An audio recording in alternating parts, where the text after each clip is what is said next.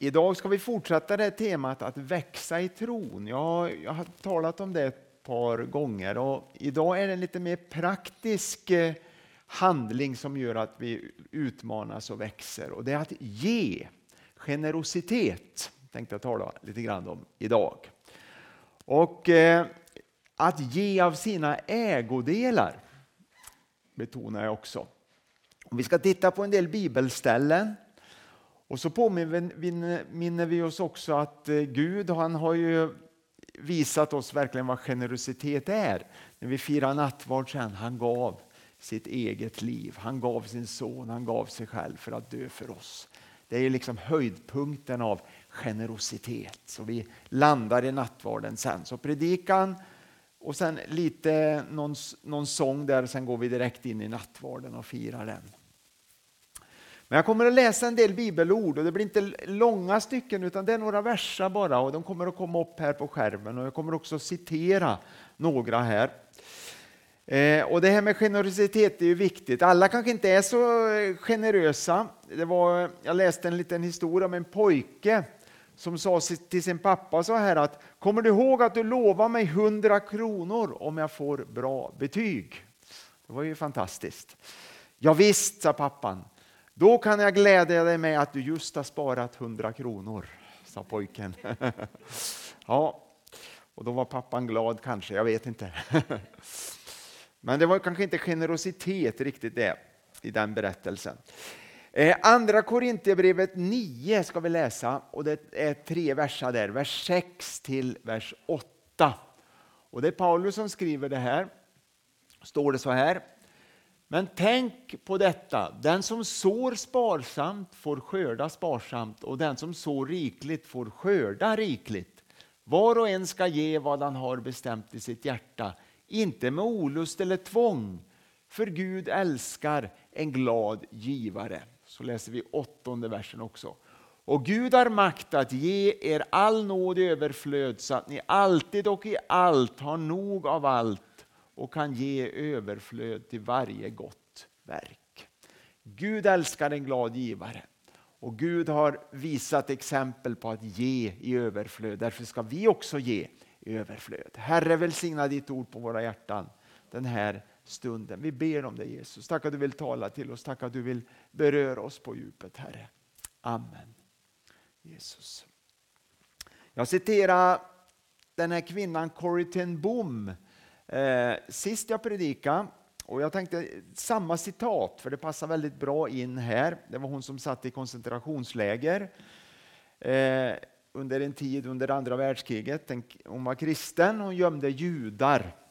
Därför hamnade hon där. Och, eh, hon sa så här, hon, hon, har gett väldigt mycket fin undervisning och, och eh, skrivit väldigt mycket bra.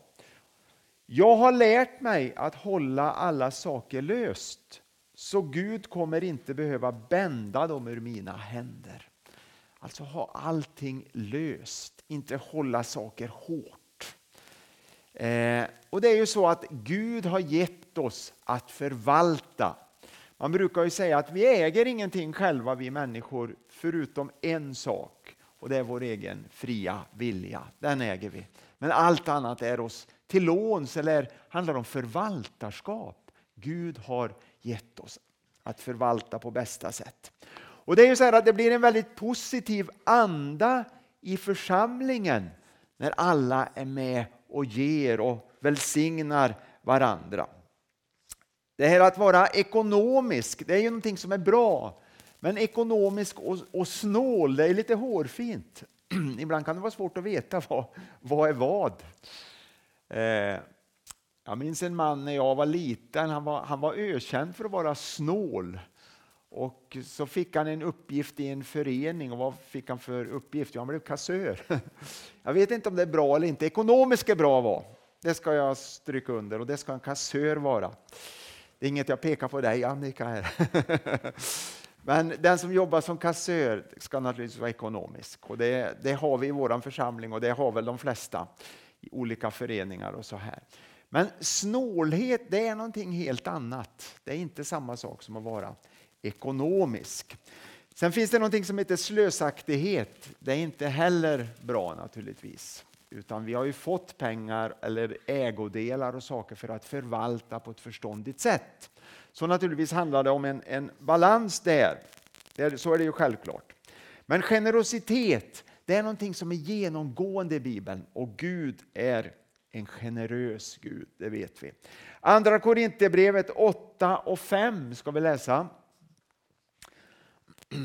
Och det gav inte bara det vi hade hoppats, utan det gav sig själva. Först och främst åt Herren och sedan åt oss efter Guds vilja. Att ge sig själv först. Och det här, handlade, det här sammanhanget handlar om en insamling man skulle göra till församlingen i Jerusalem. För de hade det ganska knapert, eller väldigt knapert. Och så skriver Paulus om att man gav sig, alltså de som hade gett tidigare, de hade gett sig själva. Inte bara av det de hade eller ägodelar utan sig själva. Och det är ju där det börjar.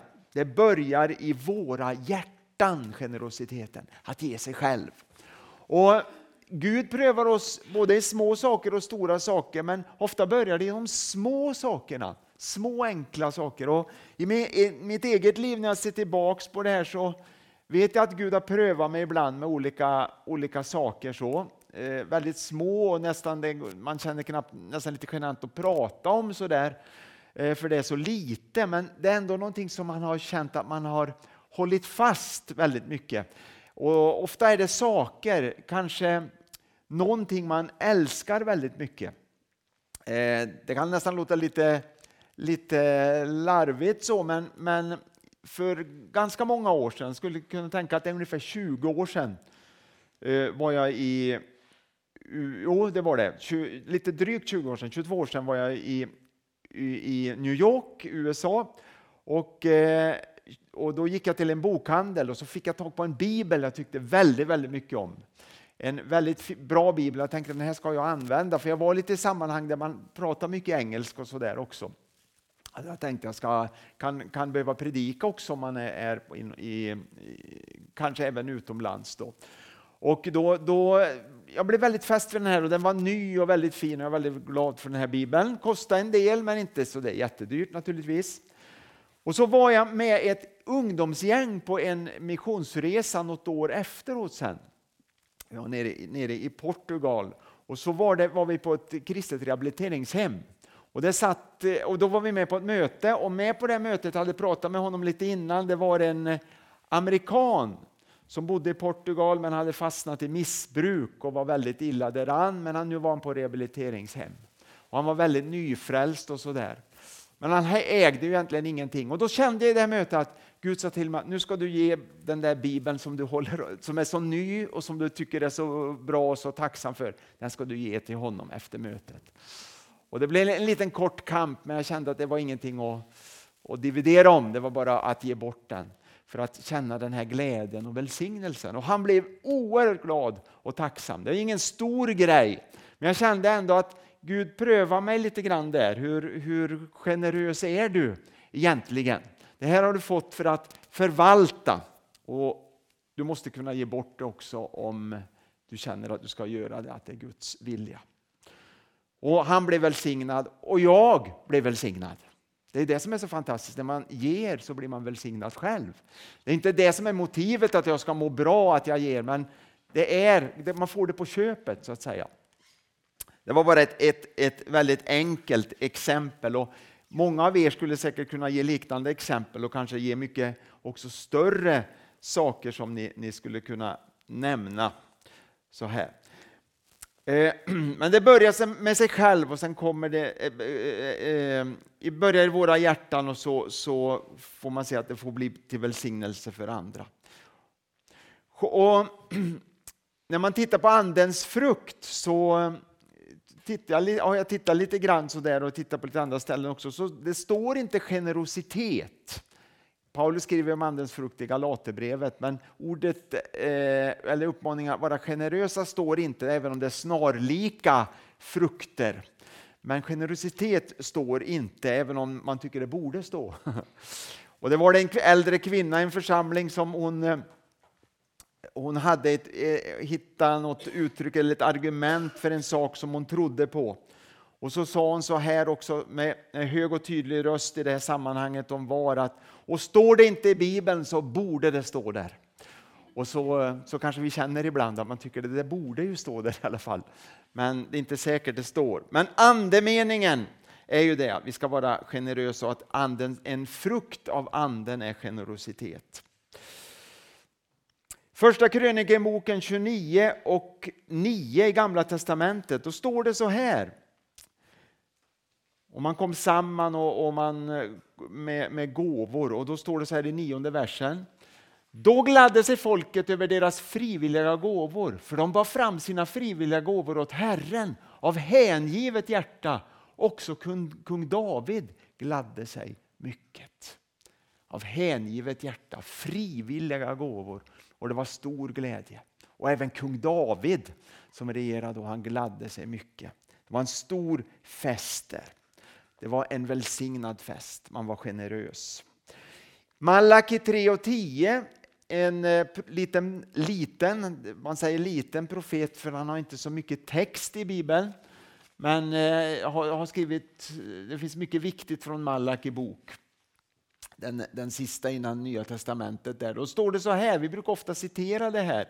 Bär in fullt tionde i förrådshuset så att det finns mat i mitt hus. Pröva mig nu i det här, säger Herren Sebot om jag inte kommer att öppna himlens fönster för er och ösa ut välsignelse över er i rikt mått. Pröva mig. Jag tycker om det uttrycket. Herren vill att vi ska pröva honom. När vi är generösa och välsignar, då kommer vi att få välsignelse tillbaks. Pröva det om det är sant. Det är så Gud säger. Och Det gäller ju dig och mig idag också. Det gäller Israels folk, men det gäller också i nya förbundet och det gäller oss som Guds församling och enskilda kristna också. I Lukas 6 och 38 så läser vi ett ord från Jesus. Vi ska läsa det också. Jesus ska ni få, ett gott mått packat, skakat och rågat ska ni få er famn. Men det mått som ni mäter med ska det mätas upp åt er. Och det är ju så att ger man lite då blir det lite välsignelser. Ger man mycket då blir det stora välsignelser. Så kan man tolka det här ordet från Jesus eller av Jesus. Och snålhet och felprioriteringar det stryper Guds välsignelse över oss. Och Motivet som jag sa innan det är ju inte för att jag ska få dela välsignelsen i första hand själv, även om jag får det när jag ger. Jag blir välsignad när jag ger. Inte minst när människor blir glada, då blir man ju själv glad. Men jag blir också välsignad av Gud. Men det är inte det som är mitt motiv i första hand, utan det är ju kärleken som driver mig att ge och välsigna. Kärleken till Jesus först, för han har gett allt för mig, men också kärleken till mina medmänniskor. Men sen får jag också välsignelse tillbaks.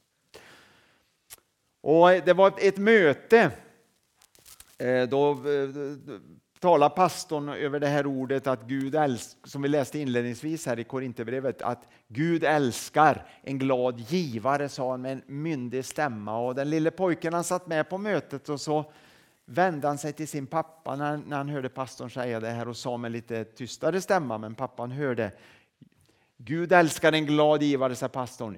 Ja, vem gör inte det, sa pojken. Mm, så är det.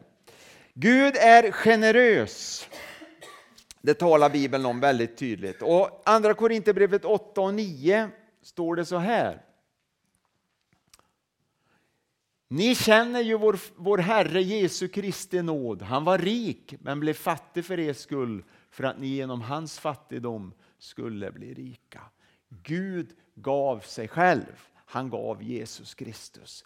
Gud är en generös Gud och han vill ge allt till oss. Och Jag tänker på skapelsen. Tänk att det är gratis att vi får njuta av det fina som finns i naturen. Det har Gud gett oss. Eh, nu när det börjar bli vår också, fågelsång och det är blommor och mycket sånt här härligt och fint i naturen. Och Allt det där har Gud gett oss. Han är generös, han är god. Och eh, Han har skapat allting för att eh, välsigna oss och glädja oss. Tänk att Gud har gjort det.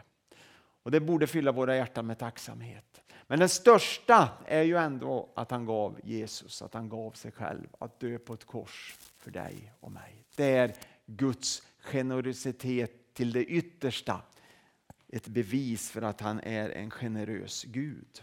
Frälsningen, det har Gud ordnat. Det är färdigt och vi behöver inte lägga någonting till. Allt är färdigt. Han har ordnat allt. Och det finns en himmel och en evighet som väntar i framtiden också. Allt det där har Gud ordnat.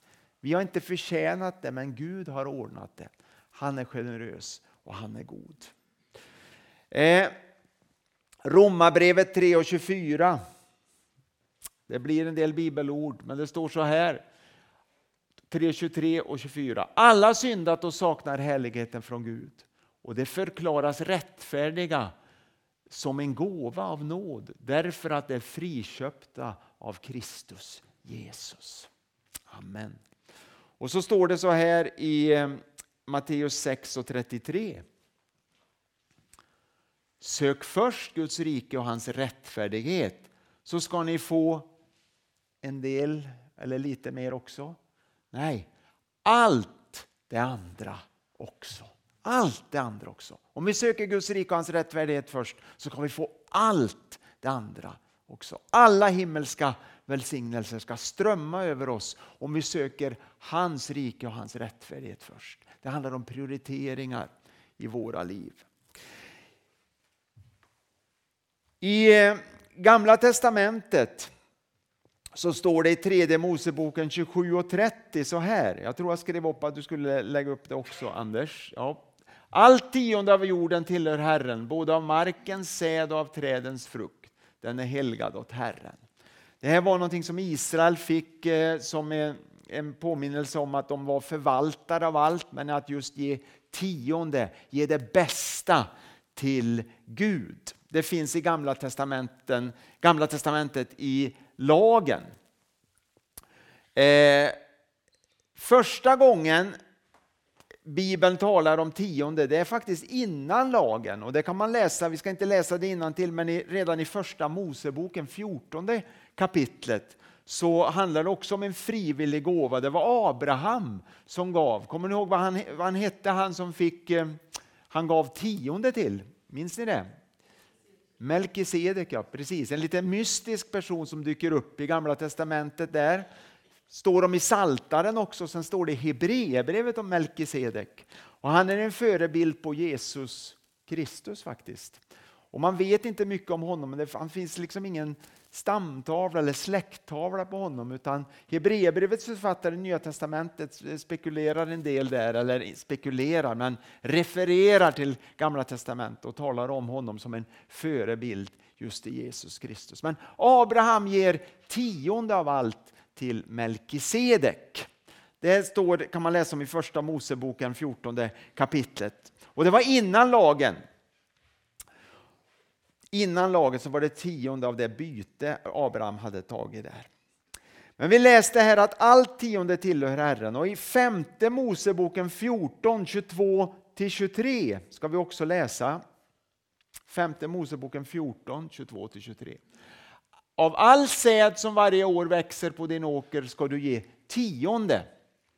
Du ska äta ditt tionde inför Herren, din Guds ansikte, på den plats som han utväljer till boning åt sitt namn tiondet av din säd, ditt vin och din olja, liksom det förstfödda av dina kor och får, så att du lär dig att alltid frukta Herren, din Gud.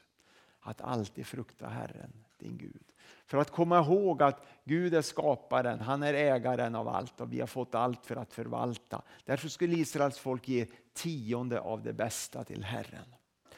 Och så talar eh, Moseböckerna lite olika vad man, kunde, vad man använde tionde till. Det står så här, jag kommer inte att lägga upp de texterna, jag bara nämner i femte Moseboken 12, 17-18 står det om att tionde skulle användas som en fest inför Guds ansikte. En fest inför Guds ansikte. Det är ju faktiskt så att det står väldigt mycket om fester i Bibeln också. Gamla testamentet är full av fester. Och man, man skulle kunna säga, skulle man vara väldigt ekonomisk eller snål nu då som vi sa i början så kunde man tycka att det var väldigt oansvarigt vad, vad Israels folk gjorde ibland. Och det ser man också i Nya Testamentet när det gäller Jesus vad han uppmuntrade. Men det var, man, off, man gav och festade upp väldigt, väldigt mycket. faktiskt. Och Det var stora fester, brakfester och man offrade massor av djur. Och det var, man åt massor med god mat och sånt där och, och, hade det trevligt på alla sätt och vis. Sen var det perioder av fasta och, och eh, späkning och så. Här. Det fanns ju också. Men det var väldigt mycket fester. Det är ganska intressant. Det var bara en liten, liten parentes här. Men här står det att tionde skulle användas som en fest inför Guds ansikte. Sen står det också i fjärde Moseboken 18 och 21 att det var ett underhåll till leviter och präster, tiondet. Och sen står det också faktiskt i femte Moseboken 26 och 12, intressant att uppehälle för de fattiga, att de också skulle få så de klarar sig. Det var ingen som fick lida nöd bland Israels folk. Ingen som skulle svälta, ingen som skulle hungra, ingen som skulle, eh, att det skulle fattas det nödvändiga. Det var också väldigt viktigt. Så huvudtanken här i Gamla testamentet, innan lagen men också när lagen kom, det är ju att allt tillhör Herren. Och egentligen är det så att det inte bara tiondet Tiondet var ett uttryck för att Israels folk tillhörde Herren, att det var ett utvalt folk. Men allt tillhör Herren. Det är väldigt tydligt i, Gamla testamentet också. Allt vad de ägde och hade var Herrens. Och tempeltjänsten i Gamla testamentet var beroende av det här att Israels folk gav och att de gav tionde också. Kollektivet var i fokus. Det var inte att var och en gjorde som han eller hon känner. Vi lever ju i en sån tid idag att man var och en gör som man själv vill och tycker. Vi uppmuntrar ju det. Och det, det finns ju det här individuella också. Det går inte att ta bort att Gud, att man blir, tar emot Jesus i, personligt i sitt hjärta och så. Men det finns alltid en risk att man tappar bort det här att vi hör ihop. Att det är viktigt att vi, vi tänker så att vi är Guds folk tillsammans. Det är inte att var och en bara gör som man själv vill. Och Det varnar ju Bibeln en del för, även i Gamla Testamentet. Och Det fanns en kontinuitet och det fanns en regelbundenhet som också var viktigt, en disciplin. Och Sen var det faktiskt så att leviterna som fick tionde av Israels folk, de gav i sin tur tionde till Aron, prästen Aron och hans söner sen och de som tjänade. Så, och det står det väldigt tydligt också i fjärde Moseboken 18 att leviterna skulle ge det bästa till tiondet. Alltså tiondet av tiondet. De fick tionde, sen skulle de ge tionde av sitt tionde. Intressant. Nya testamentet då. Går vi in för landning lite grann. Första Korinthierbrevet 9, 13-14 så kan vi läsa om att Paulus han knyter an till gamla testamentet. Det är liksom, hör ihop mycket. Vet ni inte att det som tjänstgör i templet äter av det som kommer från templet och att det som tjänar vid altaret får sin del av altaret? Det talar han om judarna då. Så har också Herren befallt att det som predikar evangeliet ska leva av evangeliet. Och då talar han om, om sig själv och de som var ute och förkunnade då. Och, och, och, och så. Så han, han, knyter an där att det finns mycket, mycket av de här principerna det gäller också i nya, nya förbundet. Han knyter an till gamla. Och gamla är ju skuggbilden av det nya förbundet. Det talar ju Hebreerbrevet om väldigt tydligt. Och Jesus när han undervisar i Nya Testamentet då talar han om hjärtats inställning. Vi har varit inne på det redan. Men han avskaffar ju inte budorden Jesus. Han fullbordar buden. Och Det är en väldigt stor skillnad att avskaffa dem, buden eller lagen eller vad vi nu kallar det. Eh, utan han fullbordade. Han fullbordade. Han inte kommit för att ta bort någonting utan han kommit för att fullborda. Det är väldigt viktigt, en, en väsentlig skillnad. Och församlingen kan man säga är uppfyllelsen, fullbordan av Gamla testamentets gudstjänst. Så tiondet, vad gäller egentligen? Och, och, och offrandet och att ge och allt det här. Det är ingen påbjuden lag i Nya testamentet, det är det inte. Men den kollektiva synen på Guds folk och de gemensamma ekonomiska åtagandena är tydliga i Apostlagärningarna och Nya testamentets brev. Att man offrade och gav och såg till så ingen led nöd i församlingsgemenskapen. Det var väldigt viktigt. Och Jag tänker också på den här egendomsgemenskapen som fanns, som vi läser om i Apostlagärningarna i den första församlingen. Så i Nya Testamentet är det inget påbjudet tiondet. Men, eh, men något kanske egentligen vi minst borde ge. Det är en god princip för att det ska fungera. Och då kan man ju använda den principen som fanns i Gamla Testamentet. Det är därför vi använder det i, och uppmuntrar till det i våra församlingar också. Men det som är viktigt, det är inte att man... Eh, Viktigast är ju inte att man ger bara för att man ska ge, utan det är att man ger av hjärtat och att man upptäcker glädjen i att ge. Man får vara med om den här välsignelsen att ge. Och Det kan finnas perioder i livet då jag kanske inte kan ge så mycket, inte kan offra så mycket. Jag tänker med pengar och främst kanske att man har det lite knapert och då kanske inte det, man kan ge så mycket. Jag menar Gud ser och vet allt. Men sen kan det finnas perioder som man kan ge betydligt mer, kanske mycket mer än tiondet. Och vi har ju sagt att allt tillhör ju Herren. Så skulle, egentligen är det ju, ska man vara riktigt radikal, eh, och jag nu talar jag till mig själv också, så skulle Gud säga att jag ska ge bort alla mina ägodelar och alla pengar jag har, så bör jag ju säga ja, Herre, jag gör det.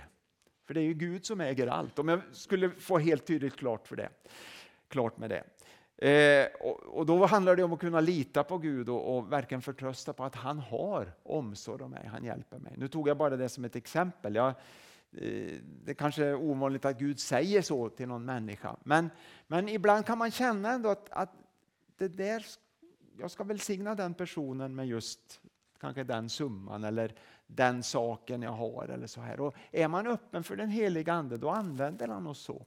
Så får man ta de här trostegen och utmana Gud och så ser man att Gud fyller på, han förser. Han, blir inte oss, oss, han är inte oss något skyldig. Men han, han välsignar oss och vi kommer att få se att vi får uppleva ett härligt liv tillsammans med Gud. Eh, det är stor betydelse att vi välsignar och ger.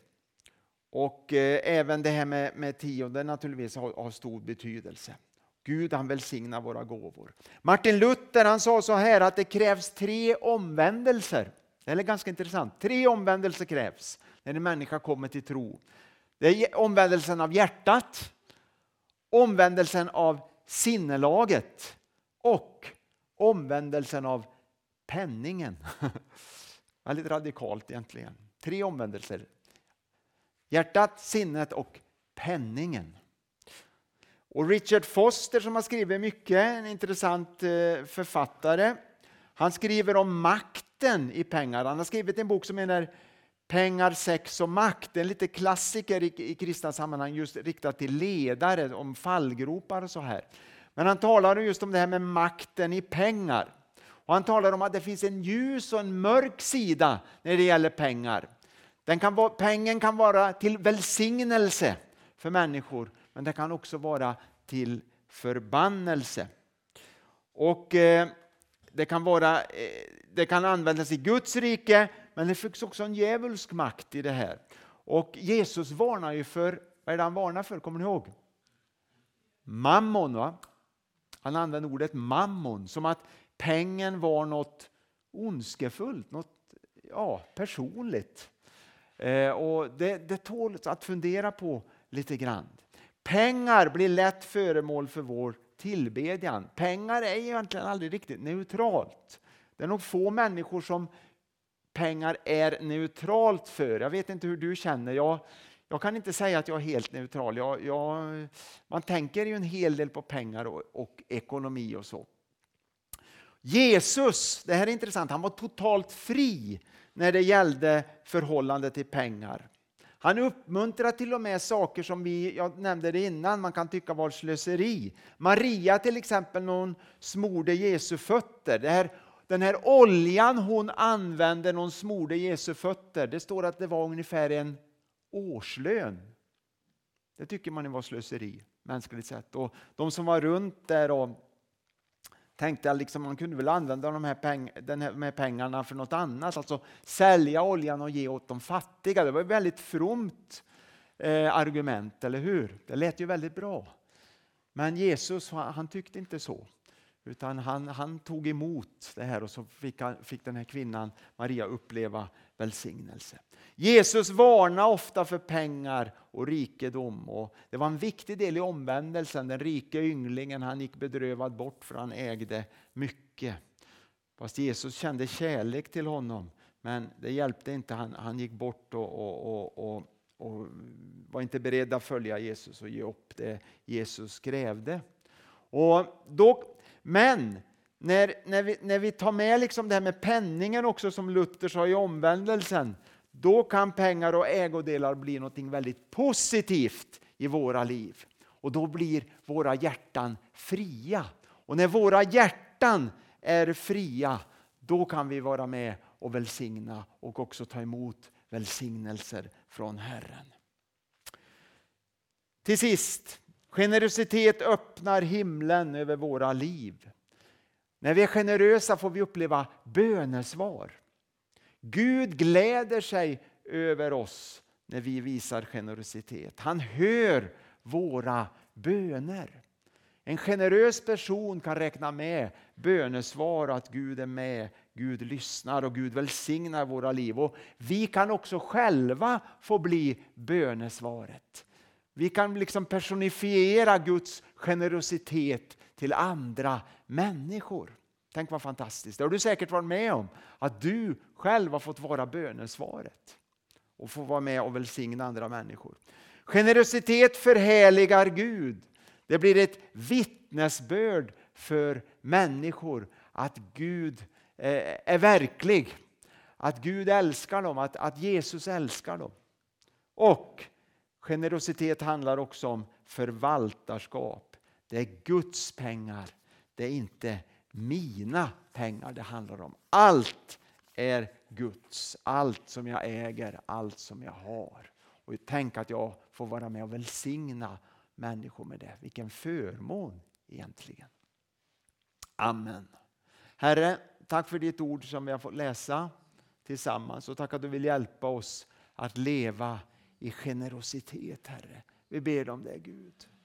Hjälp oss att förstå att allt det vi äger och har, det är ditt. Vi har fått det till låns, vi har fått det för att förvalta, Herre. Och tack att vi ska kunna förvalta det på rätt sätt, Herre. Inte slösa bort inte slarva bort, men ändå vara fria att kunna välsigna och inte hålla krampaktigt i det vi äger och har, Herre. Vi ber om det, Gud. Tack att du vill hjälpa oss att vara fria i våra hjärtan, Herre. Vi prisar dig för det. I Jesu namn. Amen.